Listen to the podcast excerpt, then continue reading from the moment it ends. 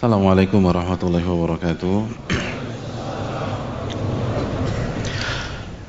Innal hamdalillah nahmaduhu wa nasta'inuhu wa nastaghfiruh wa na'udzu billahi min shururi anfusina wa min sayyiati a'malina man yahdihillahu fala mudilla lahu wa man yudlil fala hadiya lahu asyhadu an la ilaha illallah wahdahu la syarika lahu wa asyhadu anna يا أيها الذين آمنوا اتقوا الله حق تقاته ولا تموتن إلا وأنتم مسلمون. يا أيها الناس اتقوا ربكم الذي خلقكم من نفس واحدة وخلق منها زوجها وبث منهما رجالا كثيرا ونساء. واتقوا الله الذي تساءلون به والأرحام. إن الله كان عليكم رقيبا. يا أيها الذين آمنوا اتقوا الله وقولوا قولا سديدا.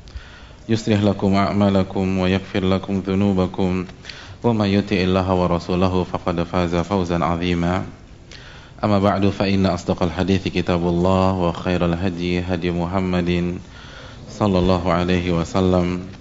وشر الأمور محدثاتها وكل محدثة بدعة وكل بدعة ضلالة وكل ضلالة في النار. Hadirin yang dirahmati oleh Allah Subhanahu wa taala, Bapak-bapak, Ibu-ibu sekalian, ikhwan dan akhwat yang saya muliakan. Tidak ada kata yang pantas untuk kita ucapkan pada malam hari ini kecuali bersyukur kepada Allah atas segala nikmat dan karunia yang Allah berikan dan Allah limpahkan kepada kita. Dan kita juga bersyukur kepada Allah sampai detik ini Allah masih tutup banyak sekali aib-aib kita. Dan pada malam hari ini kita meminta kepada Allah ilmu yang bermanfaat dan kita berlindung kepadanya dari ilmu yang tidak bermanfaat. Hadirin yang dirahmati oleh Allah Subhanahu wa taala. uh, kita sudah ujian lalu habis ujian liburan. Sekarang kita masuk tahun ajaran baru. ya, ya yang kurang berarti kelas meeting gitu harusnya uh, harusnya itu habis ujian ada kelas meeting. Nggak tahu zaman now gimana. Kalau dulu kita zaman pas tuh ada kelas meeting. Saya juga nggak tahu sekarang gimana ya. Ya tapi nggak apa-apa nggak dosa. Kita uh, masuk ke bab pertama. Kita masuk ke bab pertama Uh, silakan Al Ustaz Al Fadil Ustaz Cacap Hafizahullah taala. Bismillah, alhamdulillah wassalatu wassalamu ala Rasulillah nabiyyina Muhammadin wa alihi wa sahbihi wa mawalah. Al-babul awal fi fadlil ilmi wal ulama wa fadli ta'limihi wa ta'allumihi. Ya, teman-teman yang dirahmati oleh Allah jamaah sekalian, bab yang pertama. Jadi sebelumnya itu bab muqaddimah. Dan kita masuk ke bab yang pertama. Ada apa dengan bab pertama? Di dalam bab pertama ini Al-Imam Ibnu Jama'ah rahimahullah membawakan pembahasan tentang keutamaan ilmu. Keutamaan ahli ilmu, para ulama. Dan keutamaan mengajarkan dan mempelajari ilmu. Fi fadlil ilmi wal ulama wa fadl ta'limihi wa ta'allumihi Bab pertama ini kata beliau tentang keutamaan ilmu, ahli ilmu, mengajarkan ilmu dan mempelajari ilmu. Hadirin yang dirahmati oleh Allah, sebagaimana yang beberapa kali kita tekankan, ini adalah buku basic. Ini buku basic. Tapi bukan berarti diremehkan. Justru pentingnya buku ini di sana. Karena kita tahu bersama-sama kaidah para ulama Man hurimal usul hurimal usul. Siapa yang bisa terjemahkan kaidah itu? Fadal antum.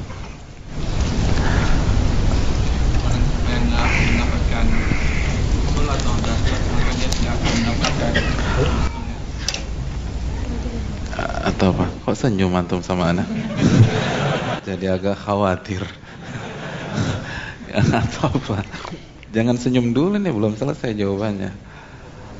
Maka, maka dia tidak akan mendapatkan. Ya, boleh deh. Betul. Man hurimal usul hurimal usul. Barang siapa yang tidak memiliki usul, tidak memiliki pondasi, tidak memiliki dasar, tidak memiliki basic, hurimal usul, dia nggak akan sampai ke tujuan. dia nggak akan mendapatkan apa yang dia inginkan. Pohon, semua pohon yang rindang, hadirin, itu karena akarnya kuat. Semua harus demikian. Dan yang memang paling lama itu masalah basic. Semua uh, gedung-gedung pencakar langit itu pondasinya kuat-kuat. Burj Khalifa itu uh, gedung tertinggi di dunia itu pondasinya kuat sekali. Nah, kalau antum mau kuat untuk menghadapi setiap problematika hidup, setiap ujian, maka antum harus berilmu dan kalau ilmunya mau kuat, basicnya harus kuat. Dan di bab pertama beliau menjelaskan tentang keutamaan ilmu dan ahli ilmu belajar dan mengajarkan. Kenapa beliau memulai dengan bab ini teman-teman dan jamaah sekalian? Ada alasan yang dijelaskan oleh para ulama. Yang pertama, kenapa sih kita perlu tahu tentang keutamaan ilmu, keutamaan ulama, keutamaan mengajarkan ilmu, keutamaan mempelajari ilmu? Yang pertama kata para ulama agar ilmu kita berkah. Agar ilmu kita berkah. Syekh Saleh Al-Utsaimin salah satu ulama besar pada hari ini, beliau menjelaskan ketika mensyarah uh, Sami, beliau mengatakan ada sebuah kaidah besar hadirin. Kaidah itu berbunyi man la yukrimul ilma la yukrimul ilm. Man la yukrimil ilma la yukrimhul ilmu. Barang siapa yang tidak memuliakan ilmu, maka ilmu tidak akan memuliakan dirinya. Jadi barang siapa yang tidak memuliakan ilmu, barang siapa yang tidak memuliakan Al-Quranul Karim, memuliakan hadis-hadis Nabi SAW, memuliakan literatur literatur para ulama kita, maka ilmu agama tidak akan memuliakannya. Walaupun mungkin dia hafal Quran Mungkin hafal hadis, tapi kalau tidak ada perasaan memuliakan ilmu Allah Subhanahu wa taala. Tidak ada semangat untuk memuliakan hadis-hadis Nabi Shallallahu alaihi wasallam, maka ilmu itu tidak akan memuliakan dirinya. Ini kaidah besar hadirin. Dan ini yang berlaku di tengah-tengah para ulama. Nah, ini korelasinya bagaimana kita bisa memuliakan ilmu kalau kita tidak tahu kedudukan ilmu itu sendiri. Karena jika hadirin dan kita semua ingin memuliakan seseorang, kita harus tahu dulu kedudukan orang tersebut, gitu ya. Jadi kalau kita ingin memuliakan seseorang, kita harus tahu dulu ini orang siapa. Karena kalau kita tidak tahu kedudukannya, bisa jadi kita menyinggung niat memuliakan menyinggung gitu loh. Niat memuliakan jadi menyinggung. Jadi kita harus tahu dulu ini orang itu siapa. Oh ternyata dia uh, misalnya tokoh di masyarakat di kampung ini orangnya begini begini begini. Bayangkan antum datang tokoh antum nggak tahu dia antum ingin jamuan makan siang terbaik maka karena dia misalnya orang Sumatera menunya langsung antum tembak kepala ikan kakap. Ternyata dia alergi ikan. Kira-kira gimana tuh? Repot. Kita pengen muliakan seseorang tapi ketika kita nggak tahu siapa dia atau kita nggak ngerti data tentang dia bisa jadi upaya kita memuliakan pihak tersebut jadi kontraproduktif. Awalnya ingin memuliakan, jadi bikin orang tersinggung, bikin orang gatal-gatal, garuk-garuk gitu loh. Nah, kalau kita ingin memuliakan ilmu, kita harus tahu kedudukan ilmu itu seperti apa sih. Sehingga kita bisa memuliakan. Sehingga kita bisa memuliakan ilmu itu sendiri. Karena memuliakan ilmu harga mati hadirin. Kalau kita ingin sukses di dunia ini, kita ingin ilmu kita berkah, kita ingin terus ditolong oleh Allah Subhanahu wa taala dalam setiap ujian-ujian kehidupan kita, kita harus memuliakan ilmu. Jadi tugas antum bukan hanya belajar. Tapi tugas antum adalah memuliakan ilmu itu sendiri. Dan kita nggak akan bisa berhasil dengan maksimal kalau kita tidak tahu kedudukan ilmu itu. Makanya bab pertama tentang keutamaan dan kedudukan ilmu. Sehingga kita tahu ternyata begini ilmu ya. Maka saya harus muliakan dengan semaksimal mungkin. Yaitu alasan yang pertama. Alasan yang kedua,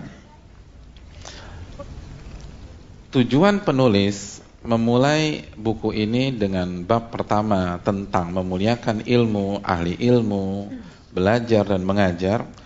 Tujuannya adalah untuk memotivasi kita agar kita punya adab yang tinggi di dalam dunia ilmu. Agar kita punya adab.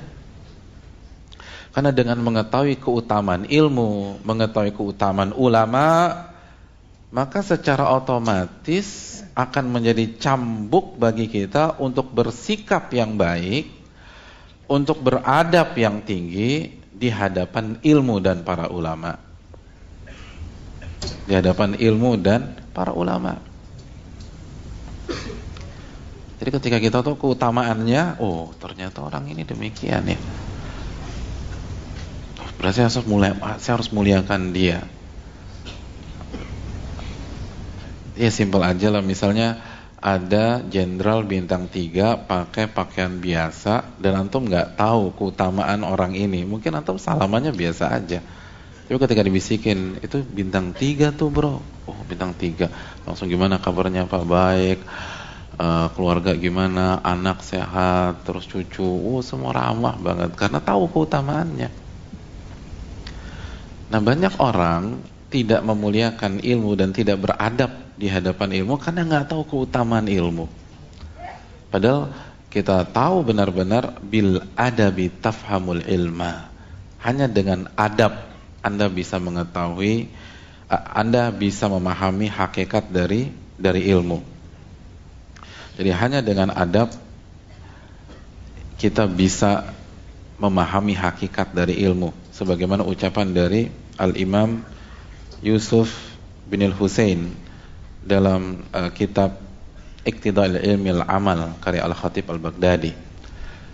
Jadi hanya dengan beradab kita bisa memahami hakikat dari ilmu. Ilmu itu mahal. Ilmu itu tinggi. Makanya para ulama seperti Syekh Saleh Al-Utsaimin mengatakan al-ilmu jamal wala yuhassil jamala illal jamalu. Ilmu itu indah. Dan tidak ada yang bisa mendapatkan keindahan ilmu kecuali orang-orang yang kalau bahasa kita orang-orang yang mampu bermain cantik dalam dunia ilmu. Orang-orang yang indah. Indah apanya? Indah akhlaknya adabnya perangainya dan lain-lain jadi ilmu itu indah dan nggak ada yang bisa mendapatkan keindahan ilmu kecuali orang-orang yang indah orang-orang yang bisa bermain cantik, orang-orang punya adab, orang-orang punya akhlak. Nah, bagaimana agar kita terstimulus beradab di dunia ilmu? Kita harus tahu keutamaan dan ke, uh, kedudukan dari ilmu itu sendiri. Itulah dua alasan yang dijelaskan sebagian para ulama mengapa bab pertama ini Eh, berisi tentang keutamaan ilmu dan ahli ilmu, keutamaan belajar dan mengajar. Karena ini yang menjadi pondasi. Karena kita untuk bisa survive dalam hidup, kita harus terus jadi pembelajar, kita harus terus uh, belajar dan untuk bisa bertahan di dunia ilmu yang tidak mudah ini kita harus tahu keutamaan-keutamaannya.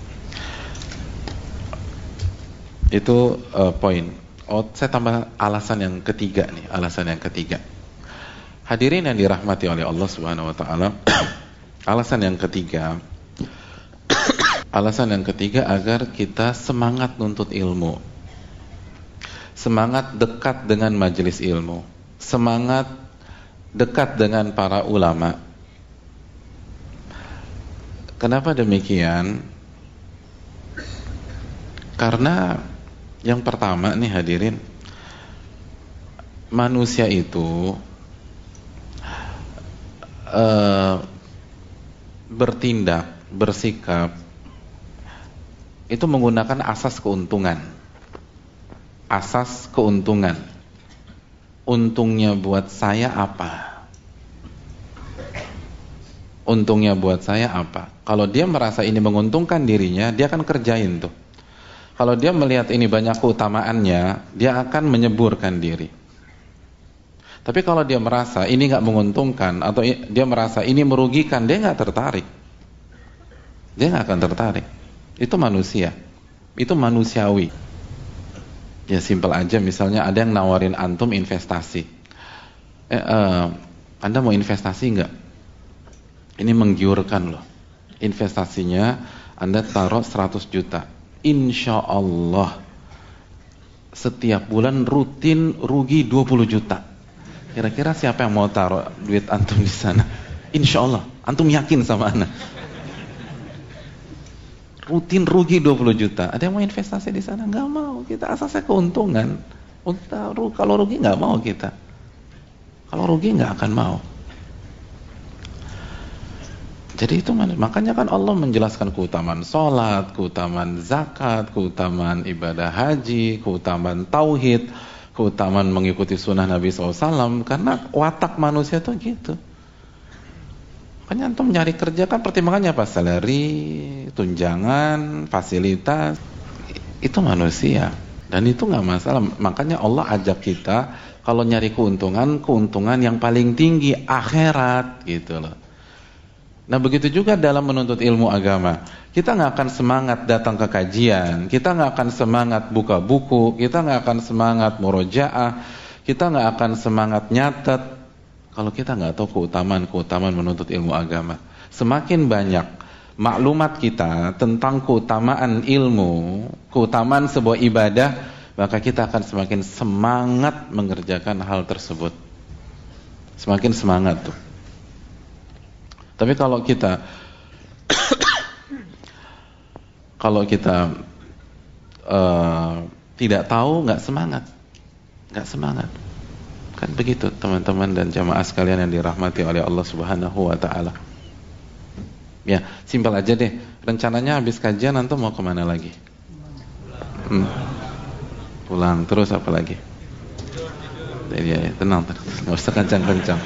Mau pulang. Ibu-ibu juga mau pulang? Oh ya, Masya Allah, bagus. Ini misalnya nih, setelah kita bubar ada pengumuman di luar bahwa salah satu mall daerah sini ya, ada midnight sale dari jam 10 sampai jam 12 hanya malam ini. Diskon 95% all item. All item. Antum beli ham kemeja 95% ikat uh, gesper 95% cabai keriting 95% bawang 95% gimana? Kira-kira nih kira-kira. Akan langsung pulang pulang ambil dompet balik lagi ke mall tersebut iya. iya. Dan yang bilang pulang cuman yang beberapa cowok-cowok aja. Lini belakang nggak ada yang bilang pulang. Ibu-ibu nggak ada yang bilang pulang. Gitu. Pertanyaannya kenapa kita merubah schedule kita malam ini? Yang awalnya nggak tertarik jadi pergi ke sana. Karena keuntungan. Sebelumnya kita nggak tahu belanja nanti malam, nggak tertarik belanja. Tapi kalau kita tahu, ya Allah diskon 95% ya, Masya Allah. Kalau cabai keriting harganya 20 ribu, berapa tuh 95%? Jadi, ilmu tentang keuntungan ini penting hadirin. Makanya kan ada kitab Targhib wa Tarhib. Dan Allah dan Rasulnya Sallallahu Alaihi Wasallam menjelaskan tentang keutamaan, keuntungan berbagai macam amal ibadah. Fungsinya apa? Biar kita semangat. Apalagi hadirin yang dirahmati oleh Allah, menuntut ilmu itu bukan pekerjaan yang mudah atau bukan aktivitas yang mudah. Menuntut ilmu itu butuh perjuangan. Menuntut ilmu butuh perjuangan. Allah berfirman dalam surat Al-Muzammil ayat 5, "Inna sanulki 'alaika qawlan thaqila." Kami akan berikan kepada engkau wahai Muhammad ucapan yang takil, yang berat. Jadi bukan yang ringan. Menuntut ilmu itu nggak mudah. Kalau mudah, mayoritas semua nuntut ilmu. Apalagi istiqomah di majelis ilmu. Lalu istiqomah mengamalkan ilmu itu sendiri. Oh, itu berat. Nah kita harus dapat suntikan-suntikan motivasi hadirin. Biar bisa istiqomah, biar bisa mengejar. Dan inilah rahasia kenapa para ulama all out dalam menuntut ilmu. Lalu nanti mereka mengamalkan ilmu tersebut. Kenapa mereka berani berkorban, berani uh, berjibaku, berani jalan selama satu bulan. Kenapa Jabir mau jalan satu bulan perjalanan? Ya karena mereka paham keutamaannya. Mereka ngerti. Ini nih mahal hadirin. Ya, gimana kita bisa termotivasi kalau kita nggak tahu keutamaan keutamaan menuntut ilmu? Kita nggak tahu apa fadilahnya, apa fadailnya. Oleh karena itu, agar kita bisa istiqomah, bukan hanya datang satu dua kali saja, kita harus belajar keutamaan-keutamaan ilmu. Dan uh, Al-Imam Ibnul Jamaah sebagaimana uh, banyak buku metode klasik yang lain, beliau akan memulai dengan beberapa ayat-ayat Al-Qur'anul Karim lalu dilanjutkan dengan beberapa hadis-hadis Nabi wasallam lalu dilanjutkan dengan beberapa ucapan para ulama-ulama klasik.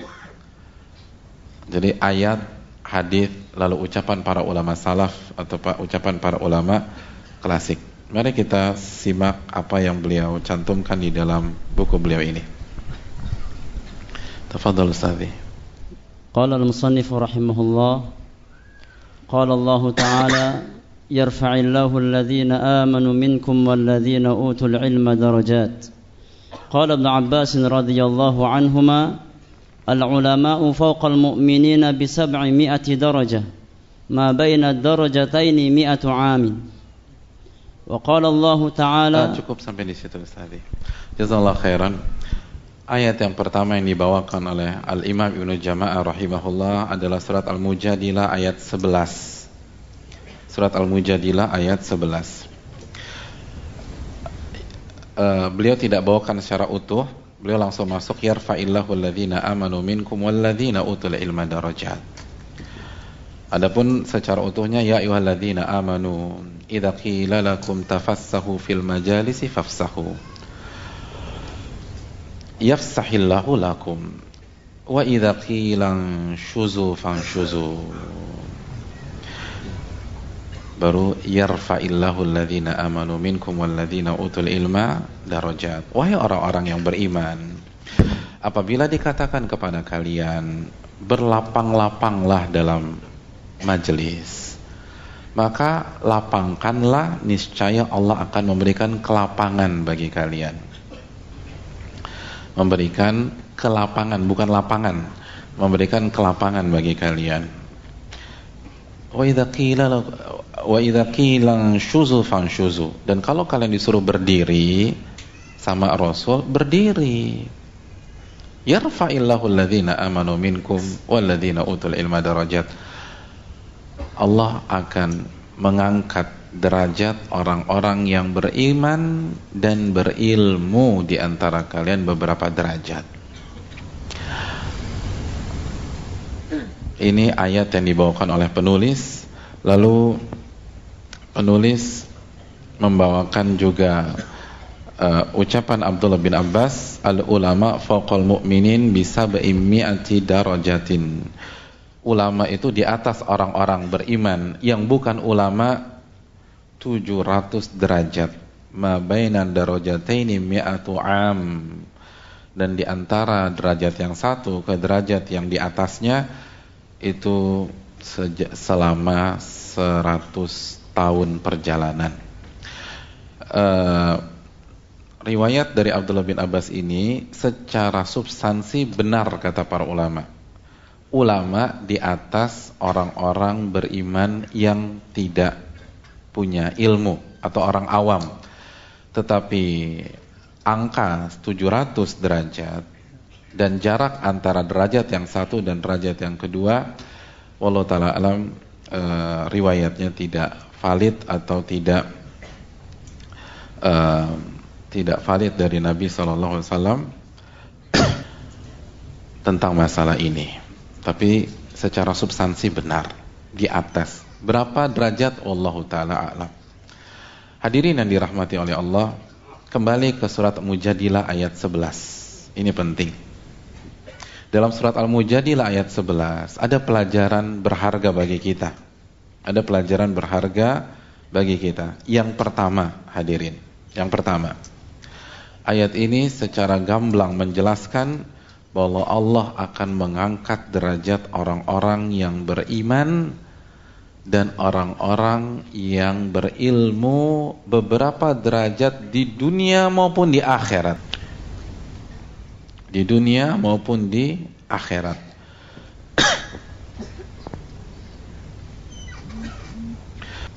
Karena darajat di sini nakirah. Yufidul umum. Melahirkan hukum umum baik di dunia maupun di akhirat. Sebagaimana dijelaskan banyak para ulama di antaranya Al-Imam Ibnu Ashur Ibnu Ashur ini poin ini keutamaan ilmu. Kalau antum ingin mulia, kalau kita ingin diangkat derajat kita oleh Allah Subhanahu wa taala, kuncinya iman sama ilmu udah deh. Iman sama ilmu. Itu kunci kemuliaan. Jadi kalau kita ingin mulia, kita nggak ingin terpuruk terus, kita nggak ingin diinjak-injak orang, ini kuncinya, hadirin. Ini kuncinya, iman sama ilmu. Makanya Al-Imam Ibnul Qayyim mengatakan annal ilma yarfa'u sahiba fid dunya wal akhirah. Ilmu itu akan mengangkat pemiliknya di dunia maupun di akhirat. Ma la yarfa'uhul ma la yarfa'uhul al-mulku walal malu.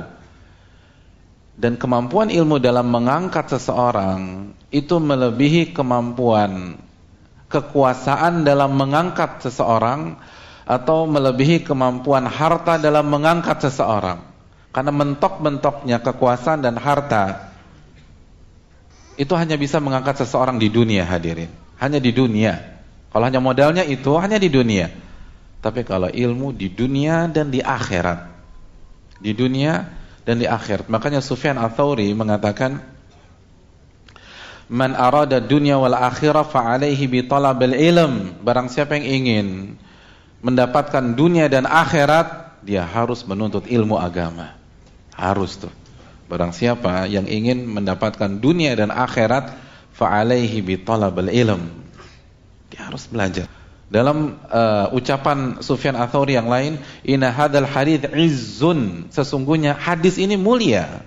Hadis ini mulia hadirin faman arada bihi dunya wajadaha barang siapa yang ingin mendapatkan dunia dari hadis dia akan dapatkan dunia waman arada bihil akhirah wajadaha dan barang siapa yang ingin mendapatkan akhirat dari hadis dia akan dapatkan akhirat Allahu akbar tapi itu tadi kalau obsesinya cuma dunia syirik sebagaimana surat Hud ayat 15 16 dan bukan saat ini kita bahas uh, hal tersebut. Tapi Sufyan ingin mengatakan, terlepas apa hukumnya, dapat tuh.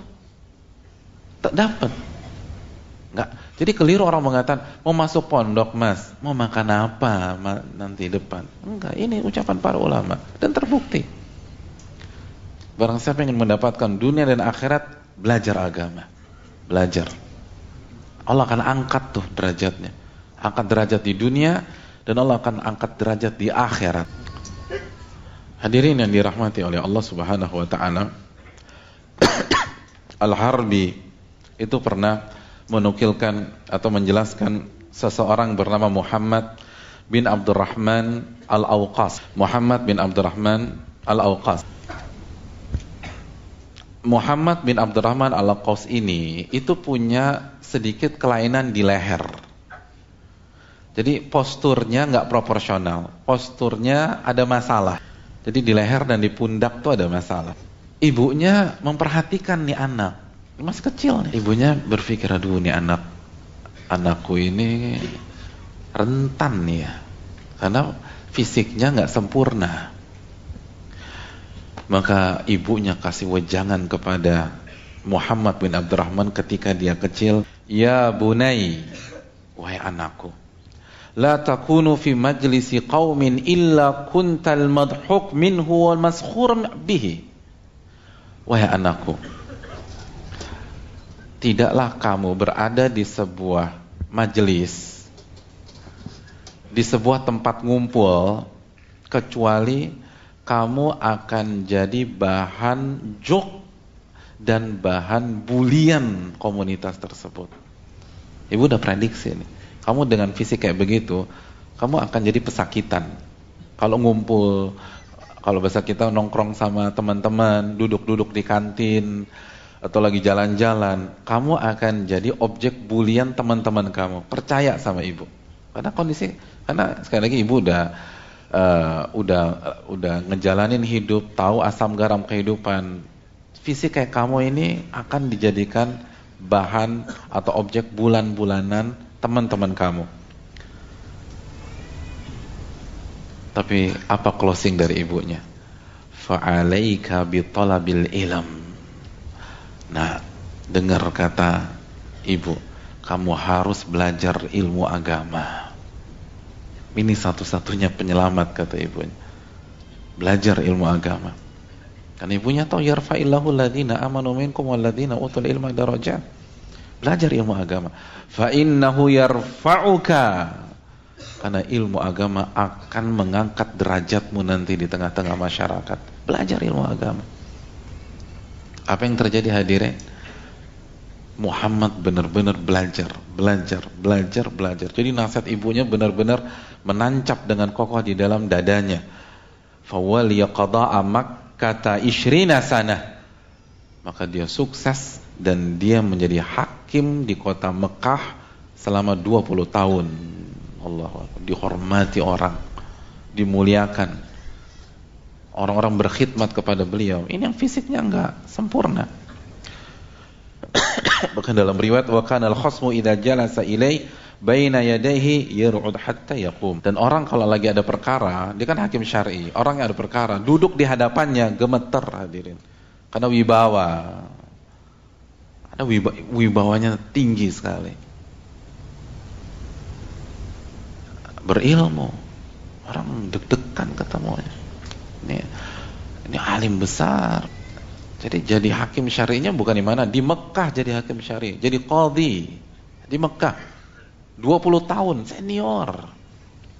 Kalau ada orang ada masalah lalu um, menyelesaikan urusannya di hadapannya gemeter nggak ada apalagi ngejok dia apalagi ngebully dia gemeter orang ilmu orang nggak main-main Allah yang janji yang punya alam semesta ini yang janji hadirin. Semakin tinggi ilmu kita Allah angkat derajat kita. Allah angkat derajat kita. Hadirin apalagi di Indonesia jangankan ahli ilmu. Kita nggak punya ilmu nih, tapi casing kita kayak ulama, oh dihormati orang. Benar, benar. Ini cuma modal wardrobe aja, dihormati orang, orang, oh, ustad nih ustad, kan gitu, oh ini udah ustad, oh, orang macam-macam.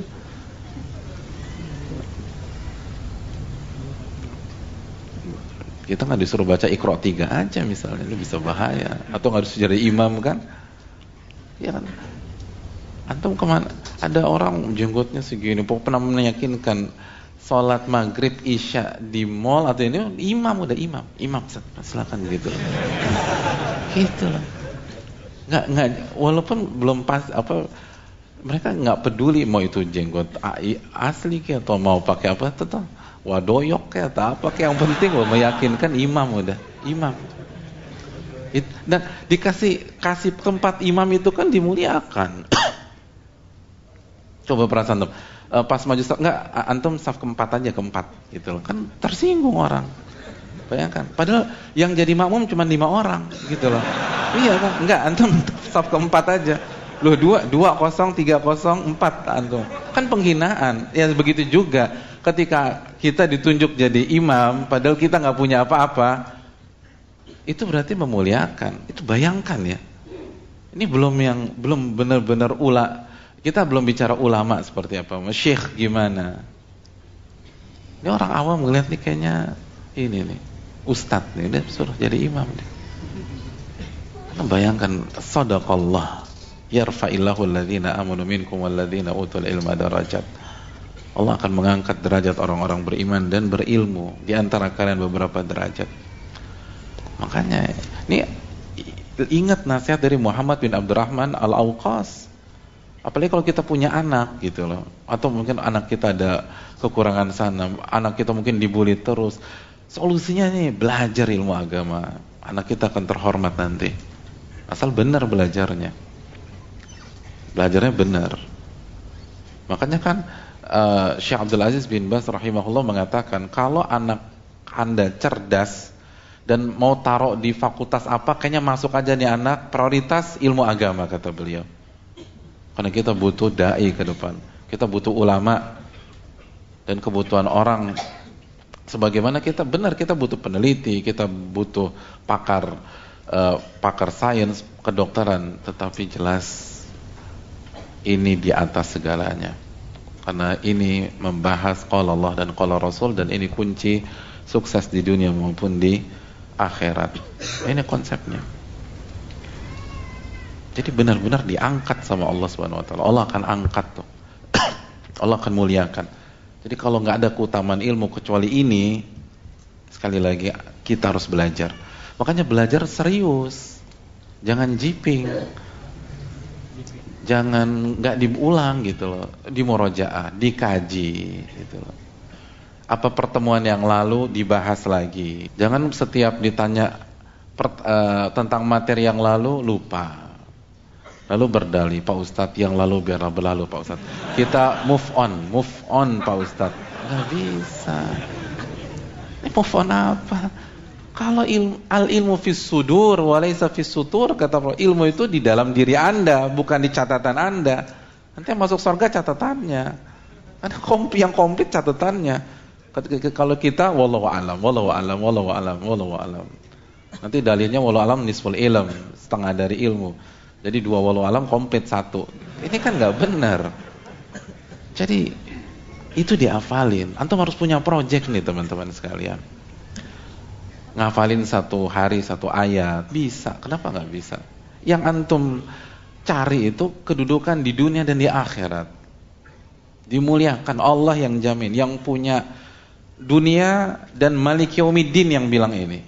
Yarfa'illahu alladhina amanu minkum walladhina utul ilma darajat. Belajar. Dan harus masuk pondok. Kalau misalnya kesempatan terbuka lebar, antum bisa ambil spesialisasi, antum bisa menyelam benar-benar uh, musyawarah, istikharah, bismillah. Tapi kalau kayaknya kondisi udah nggak memungkinkan, yang bisa dikerjakan dikerjakan dan serius. Serius. Jadi gimana meningkatkan kualitas ilmiah kita? Karena ini menyangkut kedudukan kita di dunia maupun di akhirat. Dimuliakan. Siapa nggak ingin dimuliakan di dunia dan di akhirat? Itu hal yang harus kita tekankan. Dan yang terakhir sebelum kita sholat isya hadirin sekalian, contoh yang lain adalah sebagaimana yang dibawakan Imam Muslim ketika Nafi bin Abdul Harith bertemu dengan Umar di Usfan dan uh, Nafi adalah orangnya Umar di Mekah. Lalu uh, Umar bertanya kepada Nafi, "Mani man ista'malta ala ahli wadi?" Siapa yang engkau tunjuk bertanggung jawab untuk penduduk lembah tersebut? Kata Nafi, "Ibnu Abza." Ibnu Abza. Saya tunjuk Ibnu Abza sebagai pemimpin atau penanggung jawab. Siapa Ibnu Abza? Abdurrahman bin Abza. Abdurrahman bin Abza. Beliau belajar dari Abu Bakar, belajar dari Umar dan beberapa para sahabat. Tapi pada saat itu Umar cross check lagi. Waman ibnu Abza. Uh, ibnu Abza yang mana ya? Siapa sih ibnu Abza itu? Kata Nafi, maula min mawalina. Uh, dulu dia budak gitu loh. Budak teman-teman. Zaman budak. fastakhlafta alaihim maula kamu tunjuk bu, man, uh, kamu tunjuk mantan budak untuk memimpin? Masa iya? Mantan budak disuruh pegang kekuasaan untuk memimpin penduduk di sana? Apa kata Nafi? Innahu qari'un li kitabillah wa innahu alimun bil faraid. Kata Nafi dia adalah qari dalam Al-Qur'anul Karim dan dia alim dalam faraid dalam ilmu waris. Dan alim alim dalam Al-Quran khususnya alim dalam ilmu waris. Lalu apa kata Umar bin Khattab radhiyallahu taala? Amma anna nabiyyakum qad qal. Langsung Umar iya benar nih.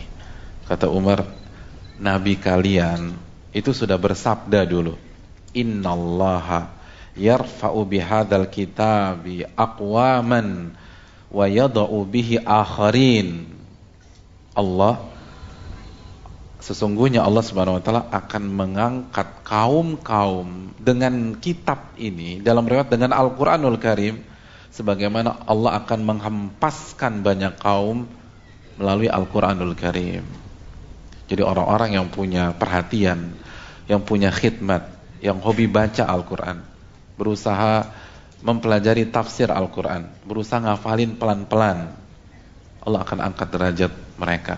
Dan sebaliknya, orang yang acuh nggak acuh dengan Al-Quran, orang yang nggak peduli dengan Al-Quran, orang yang nggak pernah baca Al-Quran, Allah akan hempaskan dia, kata Nabi SAW. Kalau nggak di dunia, di akhirat. Dalam riwayat yang lain, Umar mengatakan, Ibnu Abza mimman rafa'ahu Allahu bil Quran. Dan Ibnu Abza itu salah satu orang yang Allah angkat derajatnya, yang Allah muliakan dengan ilmu Al-Qur'anul Karim. Ini budak hadirin. Bukan orang miskin lagi, budak di bawah. Jadi status Ibnu Abza itu di bawah seluruh yang ada di ruangan di masjid ini. Ketika jadi budak, tapi dengan belajar, belajar, belajar maka dia menjadi uh, penanggung jawab dan pemimpin uh, Mekah uh, karena Al-Quranul Karim uh, yang dia kuasai, dia ketahui dan dia amalkan dalam kehidupan sehari-hari kita kerjakan salat isya berjamaah dan insya Allah kita akan lanjutkan pada isya. Wassalamualaikum warahmatullahi Muhammad. Assalamualaikum warahmatullahi wabarakatuh. Alhamdulillah wassalatu wassalamu ala rasulillah wa ala alihi wa sahbihi wa wala wa ba'd. Hadirin yang dirahmati oleh Allah Subhanahu wa taala, teman-teman sekalian, kisah Ibnu Abza harus menginspirasi kita bahwa kalau orang yang awalnya berasal dari budak bisa begitu dimuliakan oleh Allah Subhanahu wa taala karena taufik lalu ilmu dan iman yang beliau miliki maka pintu itu terbuka lebar di hadapan antum hadirin. Karena separah-parah, seterpuruk-terpuruk kita pada hari ini mungkin, mungkin itu nggak lebih buruk dari budak. Kalau budak bisa dengan izin Allah, kenapa kita nggak mengetuk pintu langit? Kita angkat tangan kita, kita minta kemuliaan di dunia dan di akhirat lalu mulai mengatur waktu, mulai membuat sebuah blueprint, mulai belajar, belajar dan terus belajar. Itu yang merubah seseorang. Lalu berusaha mengamalkan dalam kehidupan sehari-hari. Dan jangan pernah meremehkan sebuah ilmu.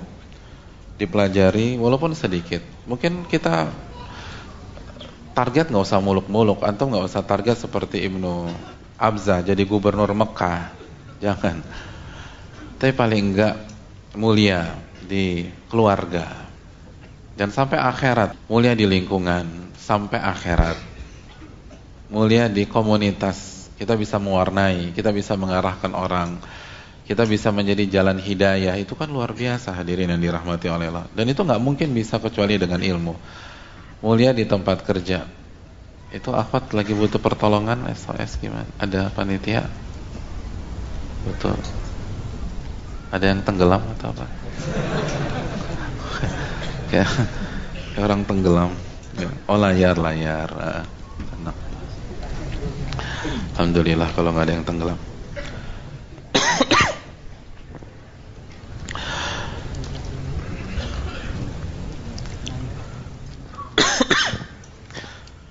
Nah, khususnya bagi antum yang uh, masih muda. Sekali lagi karakter anak muda itu apa sih hadirin? Karakter anak muda itu itu pengen diakui. Pengen eksis. Pengen dapat panggung. Tapi banyak orang atau banyak anak-anak muda itu tidak tahu bagaimana cara yang berkelas untuk bisa diakui, untuk bisa dapat panggung dalam konotasi positif, diakui oleh Allah yang pertama itu yang terpenting. Berbeda dengan anak-anak muda pada zaman para sahabat radhiyallahu taalaan. Tanpa nyari muka, tanpa harus harus lebay, harus jadi uh, bertingkah aneh-aneh, mereka dilibatkan oleh orang-orang tua. Sebagaimana Abdullah bin Abbas dilibatkan oleh Umar bin Khattab kalau lagi ngumpul dengan para sahabat-sahabat alumni perang Badar sebagaimana dalam hadis Bukhari. Yudakhiluni ma'a asyakhi Badar. Umar itu kata Abdullah bin Abbas beliau masih muda itu sering mengajakku untuk ngumpul sama alumni-alumni perang Badar. Syekh-syekh besar senior-senior. Dan ketika banyak di antara mereka melihat Abdullah bin Abbas awalnya mereka merasa risih. Fakana ba'duhum wajada fi nafsihi kok ada anak kecil di tengah-tengah kita nih. Ini Abdullah bin Abbas kan masih kecil.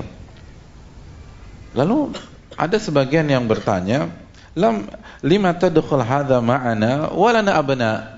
Eh Umar, kenapa Anda kasih masuk nih anak kecil di tengah-tengah kita? Kalau dia boleh masuk, kita juga punya anak-anak. Anak-anak kita juga boleh dong ngumpul di sini. Hadirin yang dirahmati oleh Allah Subhanahu wa taala. Suatu hari Umar bertanya kepada mereka, alumni-alumni Badar.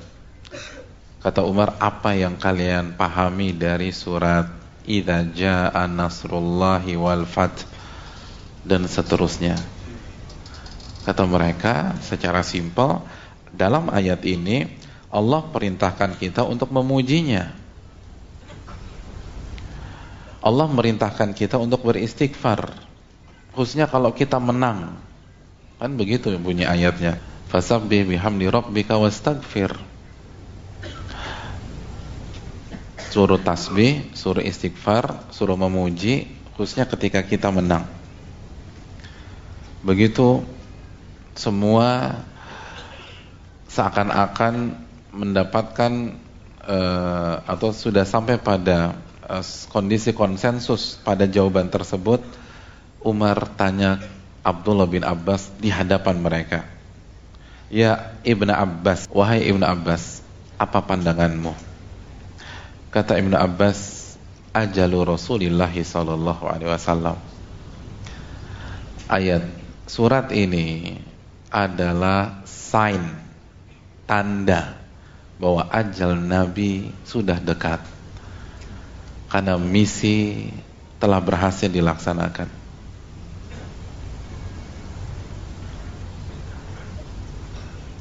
Surat ini tersa secara tersirat menjelaskan tentang pesan tersebut. Apa kata Umar bin Khattab?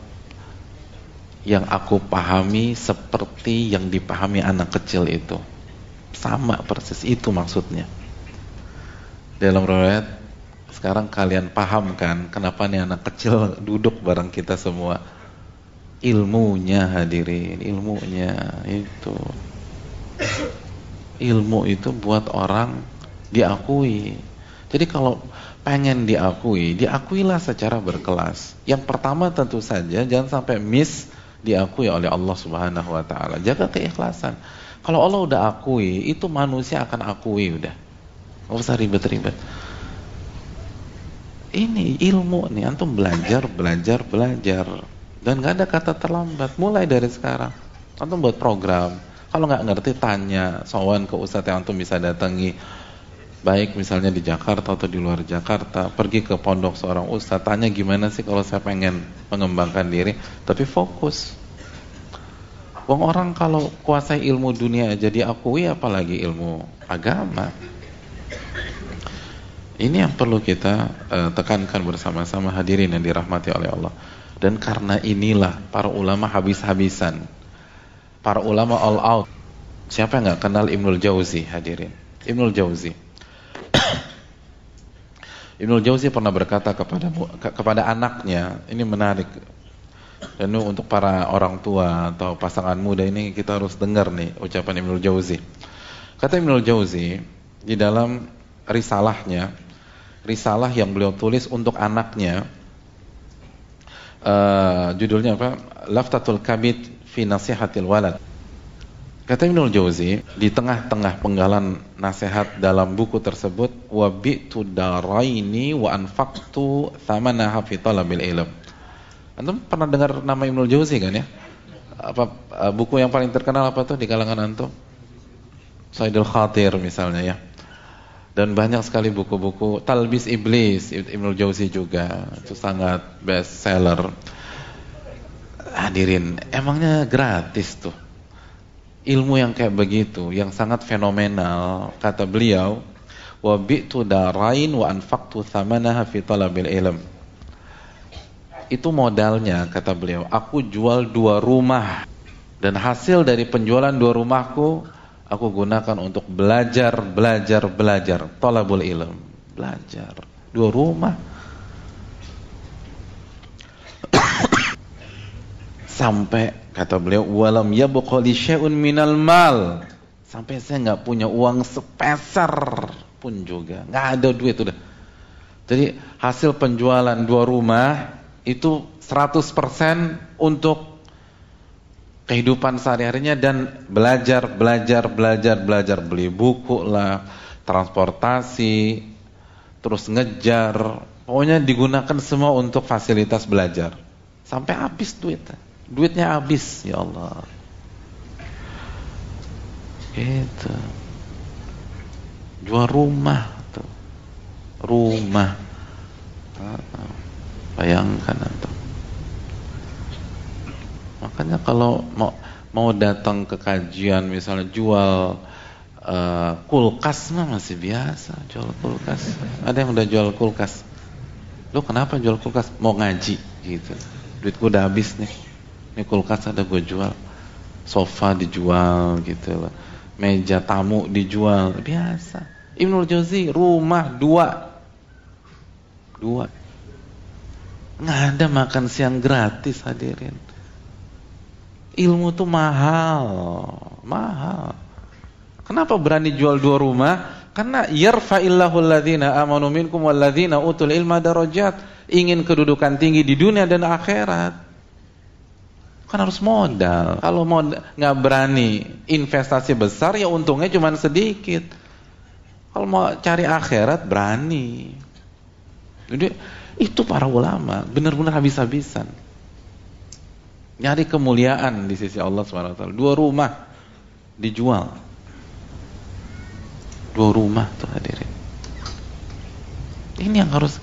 Jadi para ulama tuh bukan uh, apa namanya pure bakat terus akhirnya santai. Enggak modalnya gede. Dua rumah tuh Ibnu Jauzi. Jadi kalau untuk baca talbis iblis dua rumah nih, nih jadi begini nih gitu.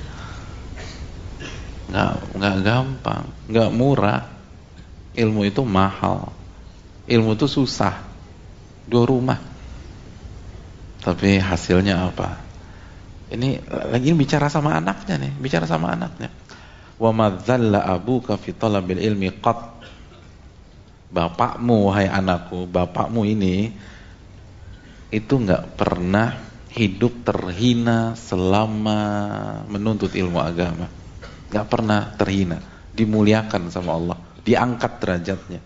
Ini yarfa'illahu alladhina amanu minkum walladhina utul ilma darajat. Sepanjang hidup, sepanjang belajar, nggak pernah merasa terhina sama sekali. Ada izzah, ada kemuliaan, mulia wala ba'atha ruk'ah ila ahadin yatlubu minhu syai'an qat Dan bapakmu ini itu nggak pernah ngutus orang untuk minta sesuatu dari manusia, nggak pernah. Walaupun dua rumah habis tuh, itu rizki ada aja dan mulia. Bapakmu nggak pernah minta-minta sama orang, nggak pernah minta, mulia, nggak pernah terhina. Wa umuruhu tajri ala sadat dan hidup bapakmu ini itu lempeng aja Lalu beliau menyitir surat At-Talaq ayat 2 dan 3, "Wa man yattaqillaha yaj'al lahu makhraja wa yarzuqhu min haitsu la yahtasib."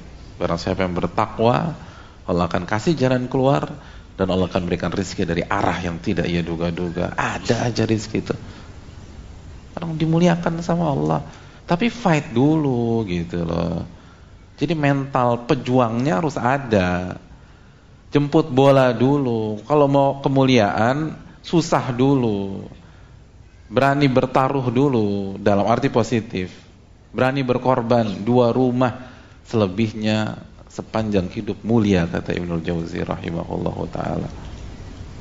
Banyak orang zaman sekarang mungkin dia punya lima rumah, tujuh rumah, tapi dibully habis-habisan, diinjak-injak oleh masyarakat, dicemooh, Gak mulia, karena gak ada iman, gak ada ilmu.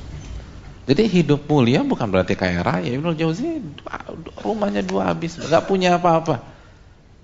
Tapi mulia, sampai sekarang namanya berkibar. Antum bayangin ya, ribuan tahun setiap orang baca talbis iblis itu pahalanya buat beliau. Bayangkan berapa juta, mungkin berapa miliar orang baca talbis iblis. Setiap baca Sayyidul Khatir itu pahalanya buat beliau.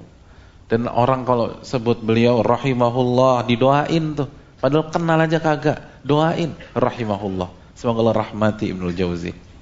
Disenengin. Atau banyak masyayikh atau para ulama terinspirasi karena buku-buku beliau. Itu diangkat harum namanya sama Allah Subhanahu wa taala. Tapi harus berani modal. Harus berani modal. Jangan dikit-dikit nggak punya uang, nggak kajian, udur syar'i. Dikit-dikit udur syar'i. Dikit-dikit udur syar'i. Udah udur syar'i aja udah. Jadi Abu Udur dah. Abu Udur. Wah, dikit udur. Udur nggak berani jual sesuatu nggak berani. Jual apa kayak jual sendal kayak. Sendal nggak laku misal baju dijual, buat jual yang bisa dijual. Jemuran dijual, tapi jangan jemuran tetangga, jemuran kita jual gitu loh. Apa yang bisa dijual dijual. Yang penting saya harus belajar. Dan dimulai dari sekarang. Bisa, kenapa nggak bisa? Bisa insyaallah taala. Dan banyak ulama kan awalnya orang awam bukan lulusan pondok dan seterusnya. Tapi serius dan minta bimbingan dan rutin. Kalaupun kita nggak bisa mendalami, yang sarana yang ada, majelis yang ada, datangi secara rutin, istiqomah, walaupun sedikit dihafalin, di morojaah.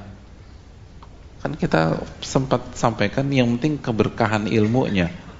Dan keberkahan butuh effort, kebertahan butuh usaha. Dan ini yang dirasakan oleh para ulama dan ini nasihat-nasihat mereka kepada anak-anak mereka. Ini terangkan, eh, kamu harus begini nih nak. Jadi kita mulia, kita izzah.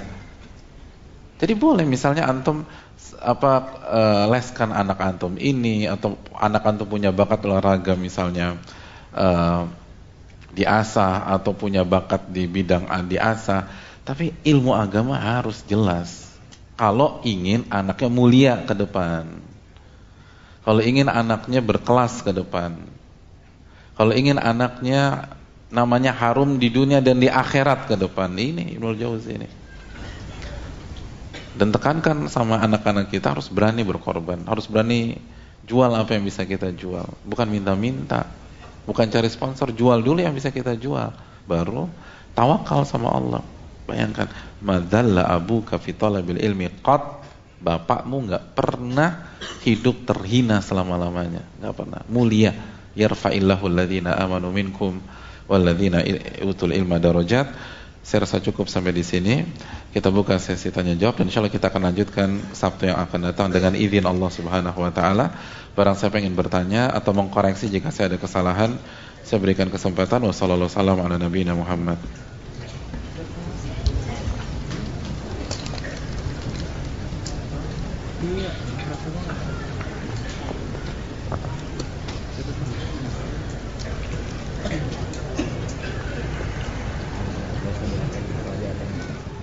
Assalamualaikum warahmatullahi wabarakatuh. Waalaikumsalam warahmatullahi wabarakatuh. Afan Ustadz Bagaimana ada penuntut ilmu yang memaksakan diri untuk mendapatkan posisi duduk terdepan Sehingga merugikan orang lain? Mohon, mohon nasihatnya Ustadz Jazakallah khairan. Ya makasih banyak atas pertanyaannya. Uh, Yang pertama Saya ingin ingatkan Sekali lagi Penuntut ilmu nggak boleh baper. Nggak boleh Kok tega sih dia nyindir gua nih? Siapa ya dilihat nih kayaknya? Jangan, nggak boleh baper. Yang kedua, penuntut ilmu tuh senang kalau ada sikap atau tingkah lakunya itu diangkat ke uh, ke ahli ilmu atau ke yang lebih berilmu mungkin lebih tepatnya. Sebagaimana para sahabat senang kalau uh, sikap mereka diadukan ke Rasul Sallallahu Alaihi Wasallam karena mereka cari kebenaran bukan cari pembenaran. Jadi budaya ngaduan itu ada di dalam dunia para sahabat dan senang. Senang mereka.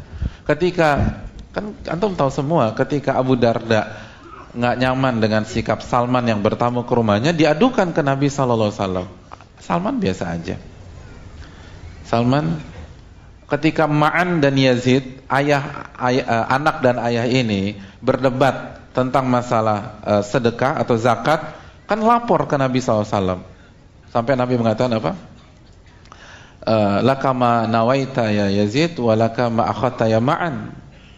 Engkau dapat yang kau niatkan wa Yazid dan engkau boleh memakan apa yang kau ambil wa Ma'an. Ini kan ayah dan anak dis, uh, berargumen deadlock akhirnya angkat ke Nabi SAW dan senang. Mereka tuh senang. Nggak nggak kayak seba, uh, nggak kayak kita mungkin ah lo dikit-dikit ngaduan sama Ustadz. Lo ya selesai sendirilah kita teman jangan ngadu sama Ustadz kan gue nggak enak sama Ustadz. Lo katanya pengen bener. Kalau bener tuh senang. Alhamdulillah diaduin sama Ustadz. Jadi kalau salah bisa dikoreksi gitu. Kalau salah kan diluruskan Kan di kajian kita nggak ada kartu merah hadirin. Anda belum punya kartu merah nih nanti mungkin. Jadi itu dunia ilmu tuh enaknya begitu. Jadi dunia aduan tuh ada. Ada di dalam dan mereka senang. Makanya Umar ketika ada yang mengkritik kan apa ucapan beliau radhiyallahu taalaan rahimallahu rahimallahu mra'an ahda ilayya uyubi. Semoga Allah merahmati seseorang yang menghadiahkan aku aib-aibku. Senang tuh Umar. Kalau dikritik senang Masya Allah. Aibku dikasih tahu. Biar aku bisa istighfar. Biar biar aku bisa taubat. Biar aku bisa memperbaiki diri. Karena kenapa? Karena mereka pencari kebenaran. Bukan pencari pembenaran. Itu poin. Poin yang kedua. Uh, masuk ke uh, pertanyaan. Kalau antum yang merasa dirugikan, kasih uzur. Kasih uh, uzur. yang ketiga, nggak boleh memaksakan ambil posisi duduk terdepan sehingga merugikan orang lain. Tidak diperbolehkan dan nanti kita bahas surat Al-Mujadilah ayat 11 ini juga membahas masalah itu tapi pekan depan. Ada dua faedah lagi yang belum kita sebutkan di pekan depan. Tapi intinya Nabi SAW bersabda untuk konteks pertanyaan ini ya, la yuqimur rajulur rajula fi maq'adihi tsumma yajlisu fi aw kama. Enggak boleh seseorang menyuruh berdiri pi, uh, temannya yang sudah duduk di sebuah tempat umum lalu dia duduk di sana, enggak boleh. Jadi kita itu duduk di tempat yang masih tersisa atau masih kosong gitu loh. Kalau mau paling depan ya datangnya sebelum sholat gitu loh. Hmm. Sebelum sholat duha datang. Loh iya, ya kan tadi ada kajian zuhur Ustaz Khalid Hafizahullah. Gak bisa antum datang pada duhur dapat tempat juga tadi itu. Sebelum duha datang. ya kan tadi ada kajian kan beliau Hafizahullah. Itu hadirinlah. Tapi kalau tafassahu wa tanafasu bisa, eh tafassahu wa tanafasu bisa. Nanti kita jelaskan. Jadi kita minta tolong di uh, apa dirapatkan sehingga yang awalnya ada celah eh yang awalnya rapat terbuka celah kita duduk saja bisa. Walakin tafassahu wa tawassa'u. Tapi kalau antum melihat tempat udah full, antum bilang tafassahu wa tawassa'u gitu. Ya tafassahu wa tawassau. Ya kalau orangnya orang e, Banyuwangi atau orang Betawi nggak paham bahasa Arab pakai bahasa Indonesia gitu loh. Antum tafassahu wa tawassau. Orang orang kenapa sih? Dia nggak mereka nggak gerak-gerak karena nggak paham. Maksudnya tolong dirapatkan biar ada space yang kosong. Boleh itu. Gitu. Intinya jangan dolimin orang ya. Allah taala alam. Assalamualaikum Ustaz Waalaikumsalam warahmatullahi wabarakatuh Jazakallah khair atas ilmunya Semoga Allah selalu menjaga kesehatan uh, kepada Ustaz Ya terima kasih atas adabnya Dan semoga uh, kita semua diberikan kesehatan yang berkah oleh Allah Subhanahu Wa Taala. Alhamdulillah insya Allah dalam waktu dekat anak akan menikah Yang anak ma kok amin Loh ini belum belum doa Ini info kok diaminin Ini berita. Amin itu doa. Berita. Uh, gitu loh. Yang Ana mau tanya, kapan disunahkan waktu seorang suami mendoakan istrinya sambil meletakkan tangan di ubun-ubun istri? Apakah saat setelah akan eh apakah saat setelah akad atau di malam pertama? Uh, dan disunah dan disunahkan salat dua rakaat jamaah bersama istri atau masing-masing. Uh, semoga ikhwan dan akhwat yang lain yang sedang mencari jodoh Allah mudahkan. Nah, ini baru doa benar, amin. Gitu. Benar nih, antum benar, masya Allah. Tapi yang paling keras kayaknya udah nikah di situ deh. Gak apa-apa, gak apa-apa. Ya, gak apa-apa.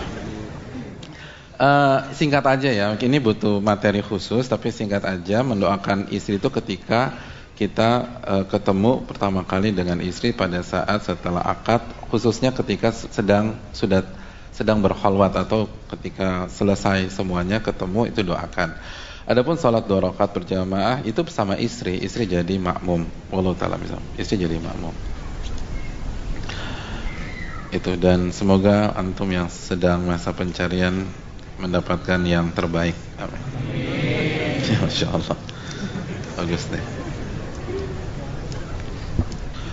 Assalamualaikum Waalaikumsalam Bagaimana dengan fenomena penuntut ilmu belakangan ini yang langsung mengedepankan dakwah atau menasihati orang lain Padahal ilmu tersebut belum diamalkan Dan masih memotong video-video ustadz Padahal sudah dinasehati dilarang keras oleh para ustadz Bagaimana melihat fenomena tersebut? Bagaimana tanggung jawab mereka di akhirat kelak? Ustadz mohon disampaikan, Anak pribadi meminta maaf pada jamaah sekalian apabila pernah mengganggu, menendang, atau bahkan menginjak-injak sendal. Uh, tenang dulu, sendal. Sendal ikhwan sekalian dan maafkan orang lain yang melakukan hal serupa. Barakallahu fikum ya. Jadi nginjak-injak sendal. Ini jangan lupa nih sendalnya menendang menendang sendal gitu. Ya, sudah disampaikan ya.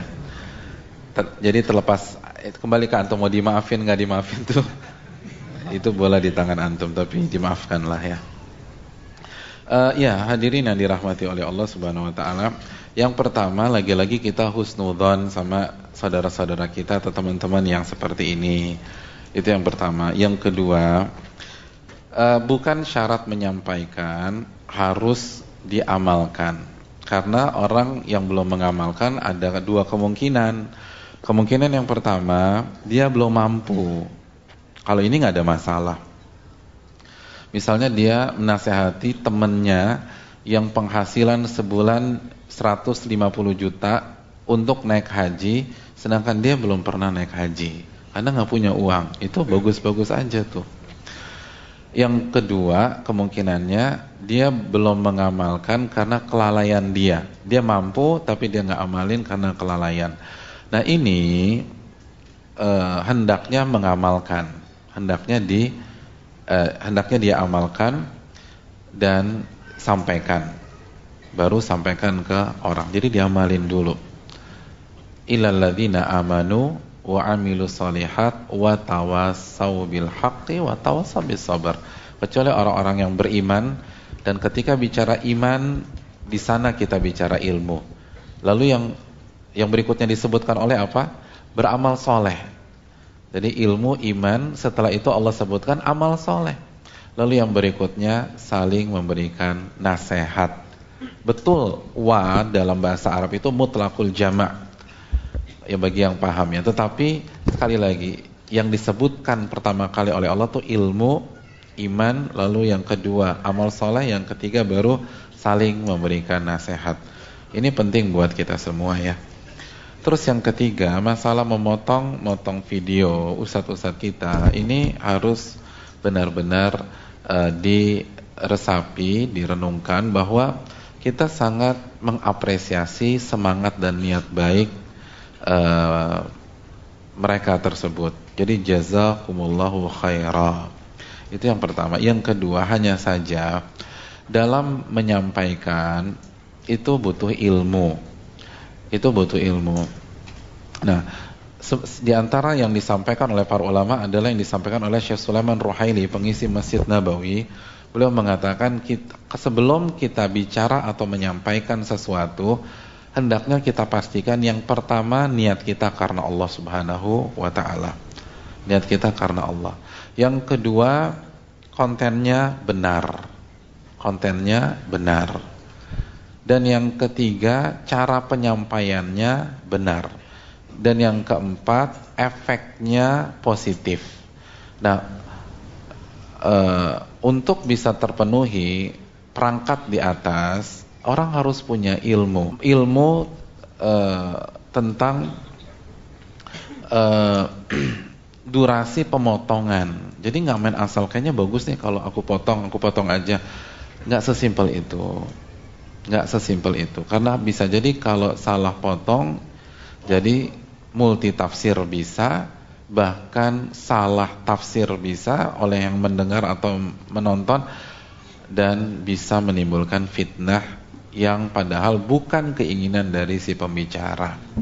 Ini perlu diwaspada, perlu dicamkan baik-baik. Nah, kalau itu terjadi, kita bertanggung jawab di hari kiamat. Kita ditanya sama Allah Subhanahu wa taala. Ini fatal akibatnya hadirin. Terus yang berikutnya, kan Nabi SAW mengatakan, Innamal majalisu bil amanah au kamakal. Majelis itu dengan amanat. Artinya, pembicaraan di sebuah majelis itu nggak boleh keluar kecuali dengan kesepakatan atau izin pihak-pihak yang ada di majelis tersebut.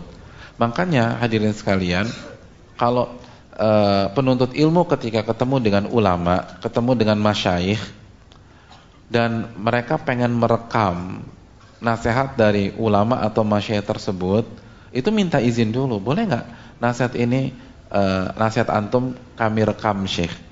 Kalau diizinkan uh, direkam, kalau enggak enggak. Bahkan ketika uh, eh, adab adab yang diajarkan ke kita, kalau nanya ke atau minta nasihat ke ulama dalam sebuah masalah, terus kita minta izin, boleh nggak nasihat nasihat ini anak kita sampaikan dan kita sebut ini nasihat dari antum. Berkenan nggak antum? Karena bisa jadi eh, yang maslahat tidak disebutkan. Jadi nggak semua orang berkenan. Jadi intinya bahwa majelis itu dengan amanat. Jangan sampai kita jadi pengkhianat. Kan lawannya amanat pengkhianat. Jadi kalau kita main share-share atau potong-potong aja dan belum minta izin dengan ustadz kita, bisa jadi kita tercap khianat. Dan ayatul munafiki salah tanda orang munafik kan ada tiga. Di antaranya wa idza tumina khan kalau dikasih amanat khianat.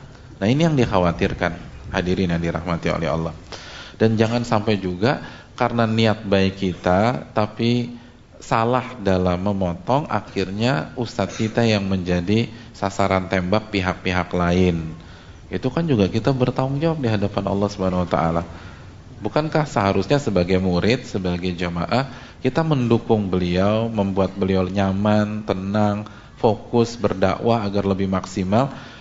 Bukan sebaliknya.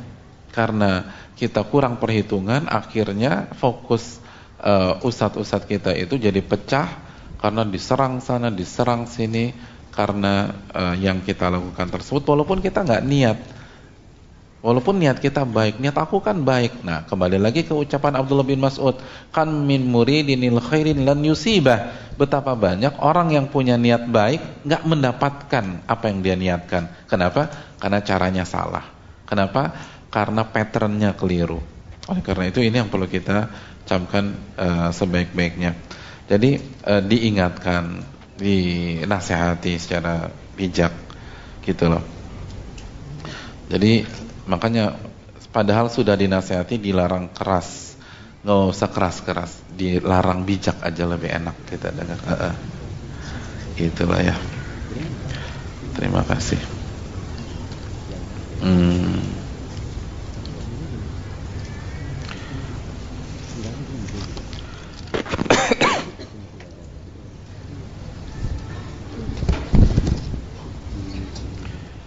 Assalamualaikum Waalaikumsalam warahmatullahi Bagaimana cara atau ilmu agar kita tidak iri hati dan dengki dengan nikmat lebih yang diberikan Allah kepada saudara kita. Saya menyadari sifat saya yang tersebut buruk. Saya terus istighfar tetapi kadang tetap saja su uh, apa nih suka timbul rasa iri. Tolong nasihat saya. Eh nasihati saya. Jazakallah khair atas pertanyaannya. Yang pertama eh, dengan eh, penanya bertanya seperti ini berarti ada niat baik, ada semangat berubah. Ini positif sekali. Ada ada ketawaduan karena orang yang sombong nggak mau ngakui dirinya keliru atau dirinya punya sifat buruk. Jadi ini positif banget nih.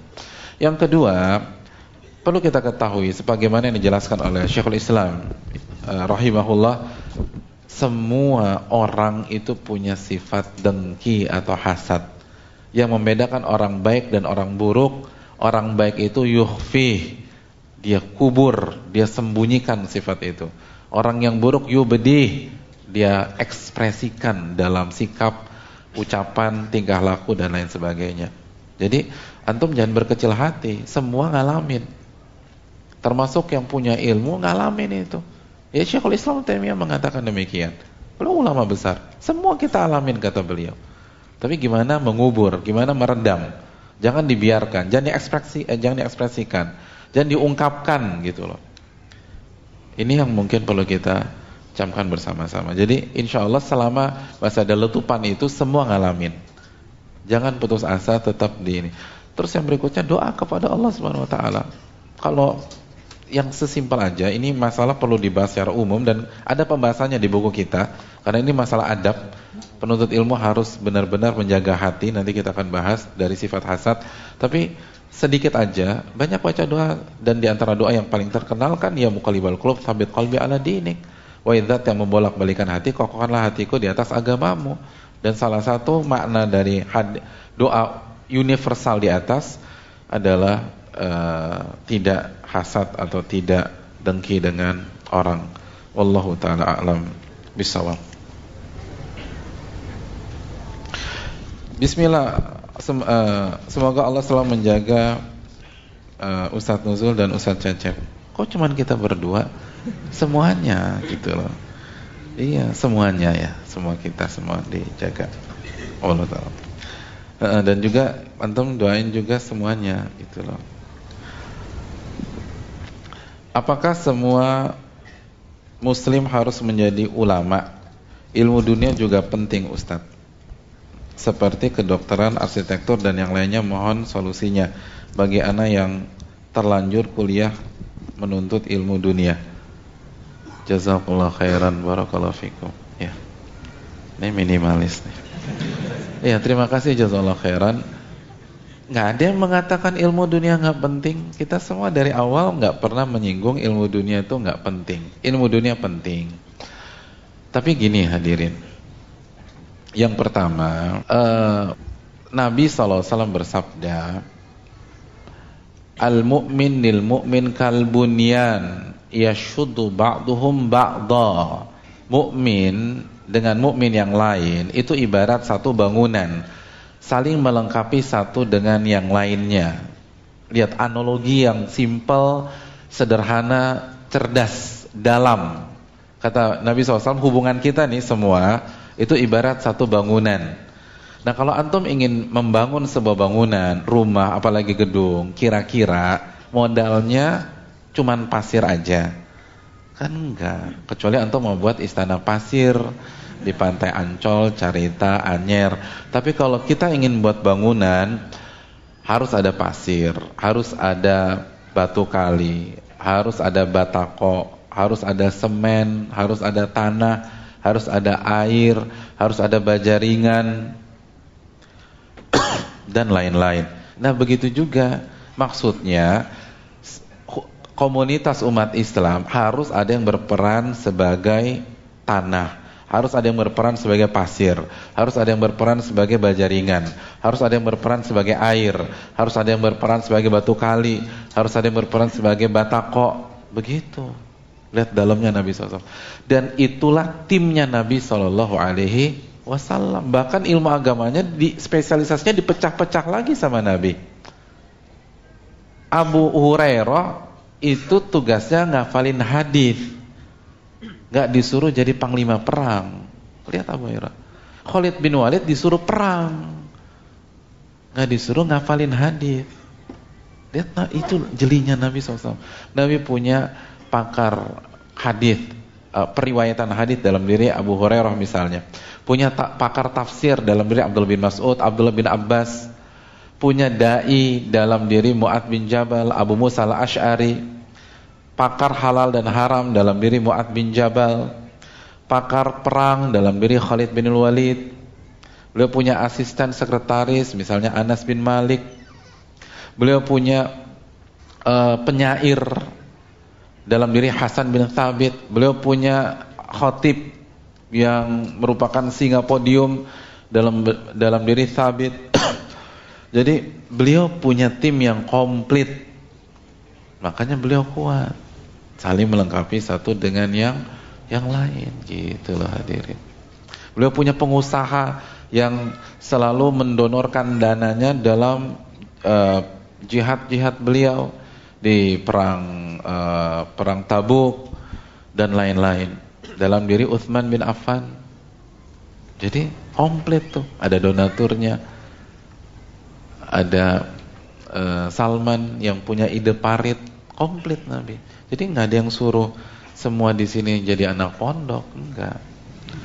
Itu pokoknya begitulah. Itu hebatnya Nabi itu begitu. Beliau tahu uh, talent sahabat beliau, beliau tahu passion sahabat beliau dan orang tuh ditempatkan di spesialisasinya. Gitu loh. Ditempatkan di spesialisasinya jago tuh. Jadi sebelum Einstein bilang apa? Einstein bilang apa tuh? Einstein bilang kalau kamu suruh ikan memanjat sebuah pohon, maka ikan akan merasa dia makhluk terbodoh di dunia. Kan begitu ya. Jadi sebelum Einstein bilang gitu, Nabi udah punya konsep begitu hadirin. Hebat tuh Nabi kita Shallallahu alaihi wasallam. Ya kan coba antum suruh ikan mas koki panjat pohon. Itu depresi hadirin.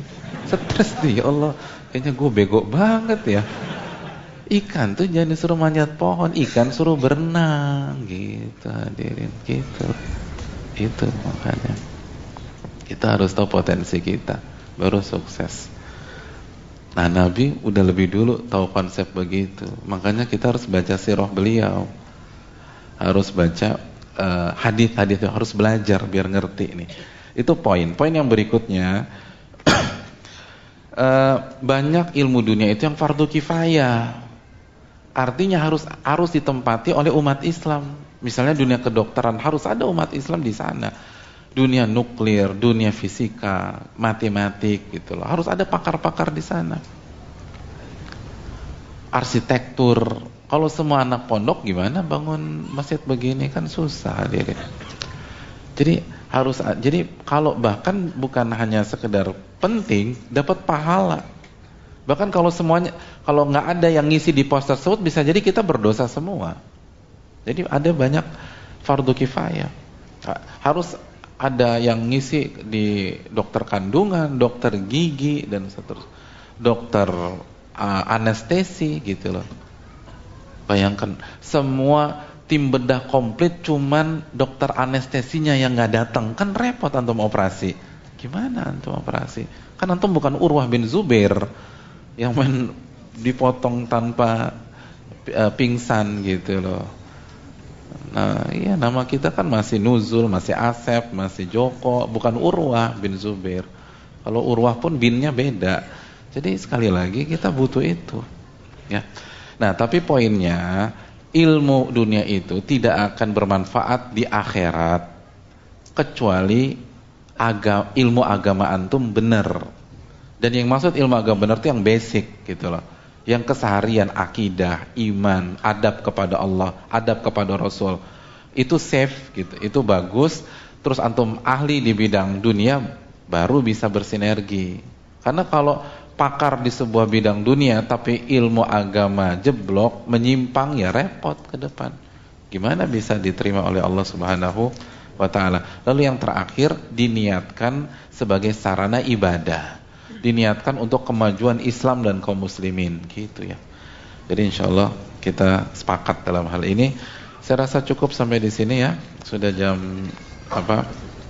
Jam 8.49. Semoga bermanfaat, sudah larut malam dan semoga kita mendapatkan ilmu yang bermanfaat dan amal kita diterima dan saya ingatkan ketika kita pulang jangan lupa baca doa dan di antara doanya adalah Rabbana taqabbal minna innaka antas samiul alim. Ya Allah terimalah amal ibadah yang baru saja kami lakukan engkau adalah zat yang maha mendengar.